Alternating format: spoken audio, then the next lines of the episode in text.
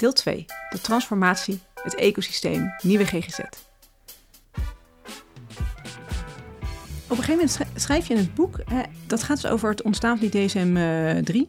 Elke patiënt is nou eenmaal net iets anders en de diagnostische criteria kregen die variatie maar niet goed te pakken. Heel frustrerend. In een poging om hier iets aan te doen, werden de criteria voor de verschillende stoornissen daarom steeds preciezer en scherper geformuleerd. De algoritmen steeds ingewikkelder en kwamen er in de hang naar exactheid steeds meer stoornissen bij. Naast de introductie van steeds preciezere formuleringen en steeds meer diagnose, werden de criteria voor sommige stoornissen, zoals ADHD, Asperger, bipolaire stoornis, depressie, ook steeds ruimer geformuleerd. Het DSM-systeem beschrijft nu meer dan 300 stoornissen, een groei van ongeveer 300 procent eh, sinds de DSM-1. En epidemiologisch onderzoek laat zien dat 45% van de populatie in hun leven aan de criteria voor één of andere stoornis voldoet. En dan stel je de vraag: zijn we zo ziek? Of is dit gewoon onze collectieve kwetsbaarheid waarmee we moeten leren leven? Net zoals we af en toe een beetje spierpijn, hoofdpijn of duizeligheid ervaren. Ja, ja. Precies, ja. Ik zou zeggen, leuk stuk. Nee, ja, dus, nee maar inderdaad, dus dat, dat is het weer, hè, dat dat terugkomt. Natuurlijk is, kijk, psychisch lijden is vreselijk. En je hebt andere mensen nodig om daaruit te komen. En, en dat moet ook gebeuren en allerlei hulpverlening. Maar de, de vraag is dus, is dan het beste model om te zeggen... die hulpverlening die gaat op gang komen via een discipline die werkt met ziekten en diagnose van ziekten en een medisch model van behandeling. Psychologen zijn ook steeds meer op dat medische model van behandeling gaan zitten.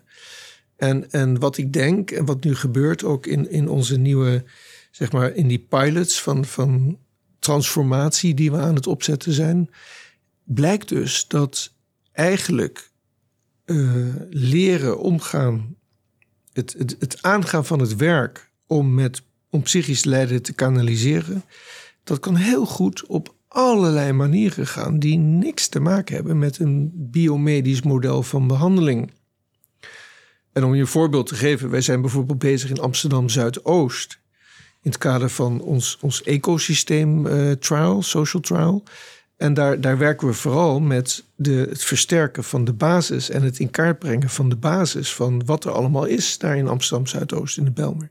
Dan zie je dus, daar is een fantastisch gezelschap van mensen die allerlei dingen aanbieden vanuit hun cultuur of vanuit uh, verbinding of de kerk of een buurthuis of een energetische modellen of acupunctuur of noem het maar op. Is heel veel. En uh, het interessante is dus dat, dat als je begint met dat bij elkaar te brengen en te versterken, en dan vervolgens kun je de vraag stellen: ja, van wie is psychisch lijden nou eigenlijk? Want een heleboel mensen gebruiken dit soort vormen die er al zijn, die heel veel werk verrichten en waar mensen heel veel aan hebben. Maar ze zijn eigenlijk een beetje onzichtbaar, want je hebt natuurlijk de grote GGZ-instellingen hm. daar, hm. die eigenlijk officieel daarvoor is. Maar wat je ziet, is dat er veel en veel meer is. En dat ook het sociaal domein en de WMO-coaches ontzettend veel doen om het uh, psychisch lijden van mensen te kanaliseren via allerlei omgevingsinterventies en groepen. En, en wat iets meer zei, echt heel veel. Dus uh, alleen dat praat niet, de zorgverzekeringswet, die praat niet met al die andere initiatieven. Dus wat wij willen is zeggen: nee, moet echt het hele ecosysteem van alles wat er is, wat mensen kan helpen om psychisch lijden te kanaliseren. Vooral ook de mensen die gaan zitten op het spirituele of de omgevingsinterventies of mensen op allerlei andere manieren te helpen het werk te verrichten dat je moet verrichten, om dat erbij te betrekken. En dat is dus ja, heel lastig in de zin van dat je dus ook op een gegeven moment uitkomt bij de psychiaters en de psychologen. De huisartsen die heb je zo mee. Die, die vinden het heel interessant om met al die partners te werken. En die kennen vaak ook al een heleboel. Maar de psychiaters en de psycholoog die voelen ze wat ontwennig. Want wat wij willen is dat zij eigenlijk veel meer gaan samenwerken met die mensen. En zich flexibel opstellen. En als iemand bij de energetisch therapeut zit. En die energetisch therapeut zegt: Ja, ik heb nu toch even een psychiater nodig. Dat hij dan daar naartoe gaat, bij wijze van spreken. En daarna weer weggaat. Of dat in, in, het in de herstelacademie, waar ook steeds meer gebeurt. uh, dat psychiaters even invliegen en dan weer weggaan. Of een klinisch psycholoog en dan weer weggaan. Dat is een heel ander model. Maar nu zeggen wij, nee, ik ga in mijn zorglijn zitten. Ik ben specialist, ik zit in mijn zorglijn. Ik zie alleen maar OCD, obsessieve compulsieve stoornis. Uh, en dat is, daar ben ik heel goed in. En ja, niets, geef mij niet iemand met, van, met die ook OCD, OCD en verslaving heeft. Daar kan ik niks mee. Dus ik moet clean het moet wel clean zijn volgens de DSM. Ja, en dat maakt het zo verschrikkelijk ingewikkeld om aan de huisartskant te zitten. Want wij hebben de patiënt met uh, een stukje OCD en een stukje uh, verslaving, wat heel vaak natuurlijk samen Tuurlijk. voorkomt. Ja. Um, en ja, dan, dan heb je die strijd hè, van het, uh, het, de ene instelling, ja, er is nog verslaving. De andere instelling, ja, er is, er is depressie. Dus het, het voelt echt als een soort roepende voor je patiënt. Ja, um, ja dat moet echt, dat moet, dat moet snel afgelopen zijn. Want dat, is, dat we dat met elkaar nog tolereren, dit. En dat, dat die huisarts in, in Boksmeer, of waar was het, die, die 50 keer contact had gehad met de GGZ. En vervolgens patiënt suicideert zich. Dat, dat kan natuurlijk niet. Dat is echt dat, dat is een failliet van het huidige model. Dus wat wij letterlijk doen zijn opstellingen met, met alle, alle partners. De Herstelacademie, de GGD, het sociaal domein, de GGZ, de psychiatrische psycholoog. En dan is er een patiënt en die, die is dus heel ingewikkeld en die heeft alles. En die gaat dus door het systeem aankloppen. En uh, dat mensen voelen van ja, we moeten gewoon samenwerken uh, in het bufferen. En, en niet zeggen ik heb nu geen tijd. Dat kan helemaal niet. Ja. Je moet gewoon de, elkaar helpen die persoon te kanaliseren en te bufferen in, in een warm ecosysteem van mensen die elkaar kennen en elkaar waarden hebben van wij werken samen en wij laten niemand in de steek. Dat het gewoon niet kan dat je zegt van wij, wij hebben nu een wachtlijst. Dat kan gewoon niet. Eh, wat eh, Jim vertelt sluit heel erg aan bij de eerste podcast die wij samen opgenomen hebben. Over het belang van het sociaal domein, zeg maar. Over alle ontwikkelingen die daarin uh, in mogelijk zijn. leefstijlcoaches, dorpsondersteuners, noem maar op. Het is een hele andere vorm van, van hulpverlening, maar veel meer gewoon gericht op, op waar, waar mensen mee, mee zitten. En ook gericht op uh, bestrijden van eenzaamheid uh, bijvoorbeeld. Ja. Dus uh, die, die, die ontwikkeling is er zeker. En ik denk dat huisartsen daar nog meer gebruik van kunnen maken. Ja. Maar ik denk dat zeker... Dat zeg ik ook tegen huisartsen. Maak je eigen ecosysteem alvast. Kijk, we zitten nu in de ISA-tijdsperk. Dus in het ISA is er dan 600 miljoen beschikbaar om dit op te lossen. Nou, wat er gebeurt is dat GGZ Nederland die zegt... oh, geef het geld maar aan ons. Wij maken mentale gezondheidscentra.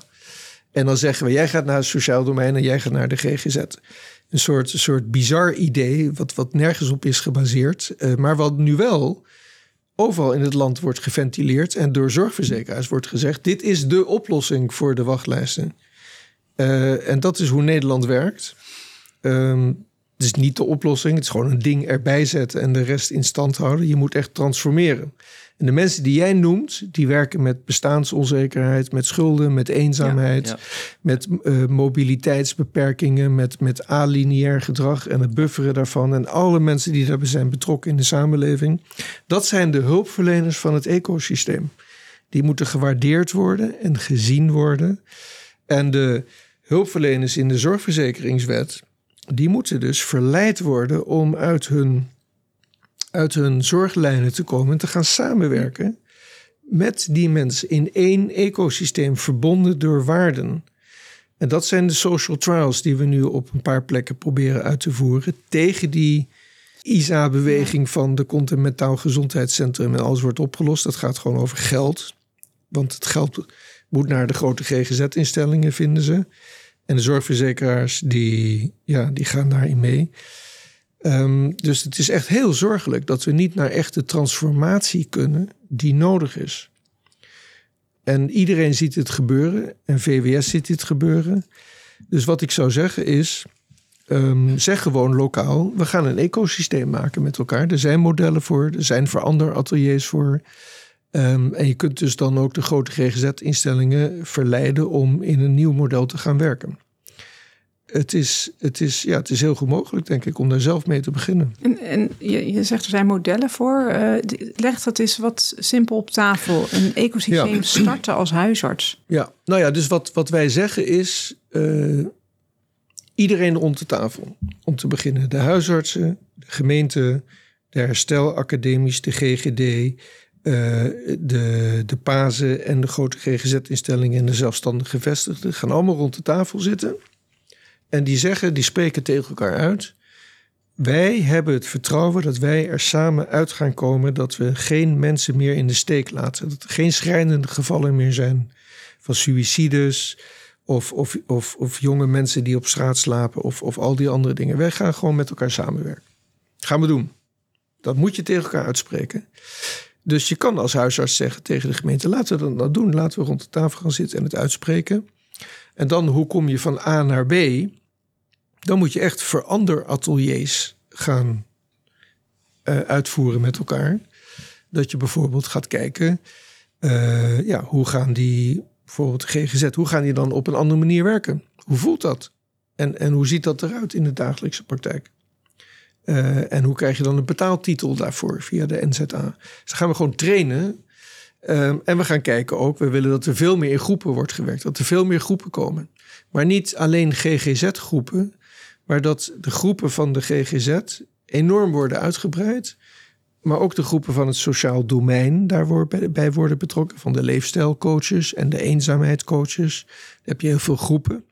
En ook de groepen van de herstelacademies. Die zijn er ook. En het probleem is, niemand kent al die groepen in een regio. Ook de huisarts niet. Je weet niet waar ze zijn of er plek is waar iemand moet aanmelden. Ja, die groepen die ken je niet. Ja, dat klopt. Nee, ja. je kent ze niet. En Nee. zelfs in de GGZ kent men elkaars groepen niet. Nee. Maar er zijn een aantal plekken waar, in Nederland waar eh, jullie daar echt eh, meters mee gemaakt hebben. Ja, ja. Dus wij zijn er. Dus dat is een atelier voor hoe doe je dat met al die groepen bij elkaar brengen. Ja. Hoe doe je dat de WMO-coaches en de GGZ-mensen met elkaar laten praten. Als je die bij en, en de herstelacademie. Wat voor gesprekken hebben die met elkaar? Dus je moet je echt in een groep, in een veranderatelier met elkaar zetten om aan elkaar te ruiken. En, en je ziet dan ook meteen die WMO-coaches, ja, die denken van de GGZ, ja, dat is zo'n duur betaalde GGZ. Die kon 20 minuten kijken als ik, als ik eh, zes weken heb gewerkt om de boel op te ruimen. Ja. Dus een heleboel, heleboel gevoelens en vooroordelen bij elkaar. Dus je moet je, en dan eh, is er überhaupt een herstelacademie? Ook heel belangrijk, want die herstelacademies, daar, daar zijn stemmenhoordersgroepen, daar zijn traumagroepen, daar zijn ondraaglijk lijdende groepen. Daar zijn groepen van hoe, hoe, ga, ik, hoe ga ik mijn eenzaamheid opheffen. Die Heel, heel goed werk doen die. Maar er moet ook herstelacademies komen voor jonge mensen. Want we krijgen heel veel problematiek van jonge mensen. Jonge meisjes met, met eetproblemen en dissociatie en trauma. En, en waar, die kunnen niet naar een herstelacademie... waar het vooral is voor, voor wat oudere mensen. Dus je moet ook kijken, waar, hoe ga je dat kanaliseren en oprichten. Dus je moet samenwerken met jeugd. En een herstelacademie is daar ook een andere naam voor. Eh, ja, het zijn ook zelfregiecentra, worden ze ook genoemd. Herken jij dat, eh, Peter? Ik ben er niet mee bekend. Eh, Nee, in ieder geval in mijn, de omgeving waar ik gewerkt heb, niet. Dus eh, ik denk dat het geldt voor heel veel huisartsen. Ja. Dat je een beetje blind bent voor een aantal Ja. eh, dingen. Dat je Nou, niet- dus de herstelacademies is een ontzettend interessante ontwikkeling. Want het, er zijn er nu al iets van 100 in Nederland of meer. En dat zijn dus plekken die. Het is, het is eigenlijk een soort parallele GGZ geworden in Nederland. Dus je hebt de evidence-based biomedische GGZ. En opeens heb je een parallele GGZ in het sociaal domein. Mhm. Die niet uitgaat van een behandelmodel van psychisch lijden. Maar van een leermodel van psychisch lijden. Eh, dat gekomen is uit de ervaringsbeweging, ervaringskennis, de patiëntenbeweging uit Amerika. En die zeggen: psychisch lijden is een proces van leren over hoe je dat gaat kanaliseren en toch een zinvol bestaan kunt leiden. Hm. En eh, dat doe je met elkaar, met, met andere mensen in een omgeving van hoop en empowerment en mogen experimenteren en leren. En het gaat over identiteit en betekenis geven, existentieel leerproces. Dus eh, hier in Utrecht bijvoorbeeld hebben we nu vijf recovery colleges in de provincie. Eh Enik was de eerste. Ja, en, en daar kan je dus gewoon naar binnen lopen. Je hoeft, je hoeft niet eens je naam te geven. Je zegt, ik ben Jan en, ik ben verslaafd. Ik hoor stemmen en ik ben suicidaal. Eh, en dan zegt men, nou Jan, pak een kop koffie. En, en maak kennis met mensen. En, en by the way, over een uur begin ik met een groep, eh, een leergroep, want het is hier een opleiding. En die leergroep gaat over waarom zou je 's ochtends je bed uitkomen en je niet suicideren. Dat is de leergroep die we vandaag behandelen. En als je wil, dan kan je komen. En uh, ik geef die groep, want ik was daar ook. Ik was waar jij was. En ik heb gevonden hoe je daar dan uitkomt. En daar ga ik over vertellen. Dus als je wil komen, prima. Dus, dus ja, dat is natuurlijk een heel ander model. Is er ergens een plaats waar je die, waar die herstelacademies kunt vinden? Is er een website van? Waar die, waar ja, dus bij de Nederlandse zelfregiecentra... Die, eh, die hebben nu een website waar je dat allemaal kunt vinden. Die ze hebben dat in, in, eh, in kaart gebracht. En eh Psychosenet is dus het eerste online zelfregiecentrum nu net geworden. Dus dat je ook gaat zeggen, er moet zijn veel meer eh, online zelfregiecentra. Want ik merk dat huisartsen dat ook nog niet eh, goed begrijpen. Want bij Psychosenet kan je bijvoorbeeld elke dag terecht om te chatten. Je kan dus gewoon anoniem ook als patiënt, als 16-jarige, 80-jarige, kan je gewoon naar Psychosenet. Kan je meteen chatten. Eh, anoniem. Dus een 16-jarige die stemmen hoort, maar niet naar de GGZ durft. Omdat hij bang is dat hij de diagnose schizofrenie krijgt, bijvoorbeeld. Ja. en of een familielid dat met een probleem zit, of een professional, is echt interessant. Dus de, in, in het kader van die ecosystemen voorzien wij ook een belangrijke rol van herstelacademisch, on the ground en online. Waar heel veel kan gebeuren. Dat lijkt me belangrijk voor huisartsen om dat eh, goed, goed te weten. Ja, zeker. En de, die website die kunnen we bij de ehm, show notes zetten. Maar hoe hebben jullie psychose net bijvoorbeeld aan de, aan de patiënten gekregen? Bekendheid gekregen? Ja, door eh, energie uit te stralen. Door, door uit te stralen van het moet anders. Eh, omdat wij merkten dat heel veel mensen met psychose, ja, die, die knappen toch af. Er gebeuren een heleboel goede dingen in de GGZ, maar die knappen toch af op een beetje het mechanische model. Hier, je hebt je diagnose is schizofrenie. Er is iets met je brein. Uh, en je moet de rest van je leven medicatie nemen. Um, terwijl het juiste model is eigenlijk. Uh, psychose is gewoon de meest ernstige vorm van psychisch lijden. Het, het, het, het is, het is een, een, een continuum. Het begint met angst en depressie, maar hoe, hoe erger de emotionele ontregeling, hoe psychotischer iemand vanzelf wordt. Dat betekent niet dat er opeens een hersenstoornis is. Het betekent dat iemand juist veel meer contact nodig heeft. Menselijk contact, begeleiding, psychotherapie. Uh, in plaats van, oké, nou dit is zo ernstig. Ja, als psycholoog, nee, hier weet ik niks van. Hier heb je een psychiater voor nodig met medicatie. Dat is het echt verkeerde model. En daar, dat hebben wij geprobeerd uit te drukken met die website. En daarom zijn er zoveel mensen op afgekomen. En ook familieleden, omdat die herkennen, ja, het werkt gewoon niet tegen iemand zeggen... je hebt een hersenziekte en medicatie en schizofrenie... Uh, en, en je hebt je levenslang medicatie nodig. Je hebt juist de meest intensieve vorm van psychotherapie en menselijke begeleiding nodig. Menselijke begeleiding, vind ik wel een mooie. Ja. ja. En, en ook die herstelacademie zegt, ja, het is een leerproces. En ook bij psychose, dat is, leerproces is alleen maar dieper en belangrijker. Hm. Um, dus dat is het interessante. En daarom... Uh, en omdat we samenwerken, zijn multideskundig. We zijn patiënten, we zijn familieleden, we zijn professionals. Maar we werken allemaal samen rond dat model van... Uh, het moet menselijk en het moet intensiever. En je moet elkaar vasthouden en helpen. Dat is eigenlijk waar het om gaat.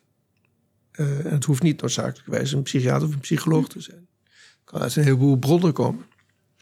En wat ik dan als huisarts een beetje als onzekerheid voel, waar we het nu over hebben, gaan we steeds meer denken ook van ja, maar moeten bepaalde dingen bij de GGZ zijn die in die zin bijdragend of horen ze meer inderdaad in dat sociale domein? Wat ik dan voel is um, alsof ik ze een bepaalde uh, specialistische zorg onthoud voor een toch matig tot ernstig ja. probleem. En de grap is, ik zei dat laatst tegen Marco, collega Marco Krukrink uh, van de podcast. En die zei, oh, ik heb juist het idee dat ik ze iets onthoud als ik ze doorstuur naar de GGZ. Omdat je ze dan niet meer juist bij jezelf houdt. Ja, het zou mooi zijn als daar een beetje een tussenweg uh, in zat. Ja, nou, en dat is precies de crux. Dus wat wij willen is dat dat onderscheid tussen GGZ en sociaal domein wordt opgegeven. Wij zijn van de mening dat iedereen specialist kan zijn in het ecosysteem. De huisarts, de WMO-coach, de lifestyle-coach, de uh, ervaringsdeskundige.